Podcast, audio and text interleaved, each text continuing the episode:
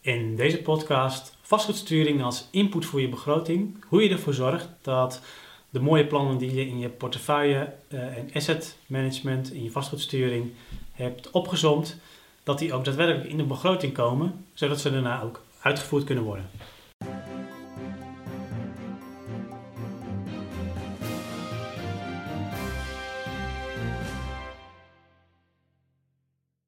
Om ervoor te zorgen dat vastgoedsturing niet alleen een papieren tijger is, maar dat het ook echt uh, in de begroting komt, in de meerjarenbegroting, in de meerjaren investeringsplanning en dat het ook echt wordt uitgevoerd, is het belangrijk om elk jaar, op het moment dat de meerjarenbegroting en de meerjaren investeringsplanning gemaakt gaan worden, om eigenlijk vlak daarvoor een hele goede opzomming te maken van wat er allemaal in je vastgoedsturing zit, wat de komende jaren moet gebeuren en hoeveel geld dat kost en wanneer dat ook geld kost.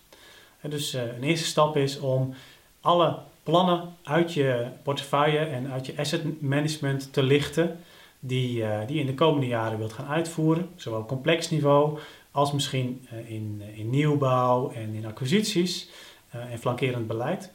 en om goed in de tijd weg te zetten van wat het gaat kosten um, en, en wanneer het dus ook geld gaat kosten. Zo'n notitie waarin je dus eigenlijk voor de komende 5 à 10 jaar alle projecten op een rij zet en alle uh, investeringen op een rij zet uh, en ook daar een uh, geldbedrag aan koppelt, gaat dus een stap verder dan puur alleen je portefeuilleplan en je transformatieopgave en op complex niveau je beleidslabels.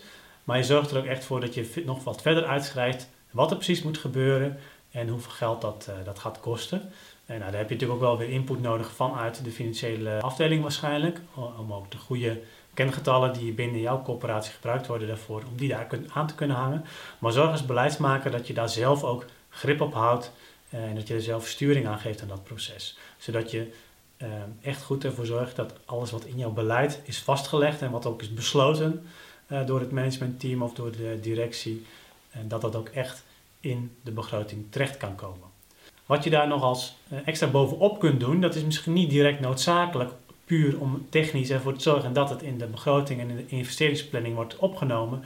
Maar wel erg van belang om de discussie over die begroting en over die meerjaren investeringsplanning te voeden, is dat je voor elk onderdeel waar je geld voor uittrekt, dat je daar ook van gaat formuleren wat daar eigenlijk niet alleen maar het financiële rendement van is, maar ook het maatschappelijke rendement. Zodat je een investeringsbedrag hebt, een financieel rendement en een maatschappelijk rendement.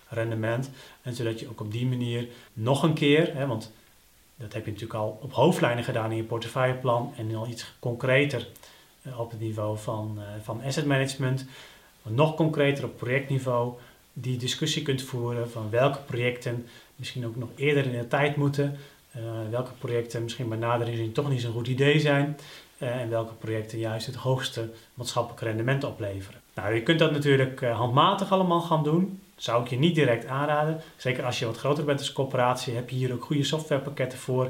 Die ervoor zorgen dat je ook echt als beleidsmaker aan de knoppen zit.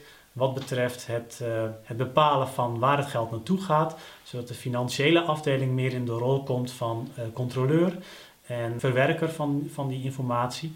Maar dat je als beleidsmaker echt, uh, echt een leading, leading bent.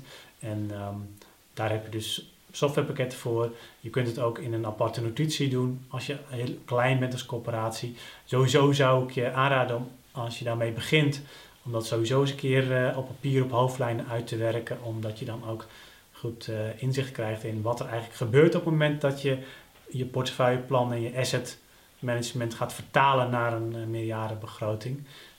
maar daarna zou ik eigenlijk zo snel mogelijk dat op software niveau gaan oplossen. Nou, in ieder geval, is het belangrijkste dat je daarmee zelf de script krijgt als beleidsmedewerker op de uitvoering.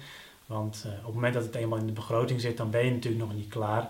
Daarna zul je ook nog moeten gaan kijken of de begroting ook echt wordt uitgevoerd en uh, of het geld dus ook echt wordt besteed aan de projecten die jij in je beleid had opgenomen. Ik wens je heel veel succes daarmee om die vertaalslag van beleid naar uitvoering uh, ook hiermee een, een, betere start te geven.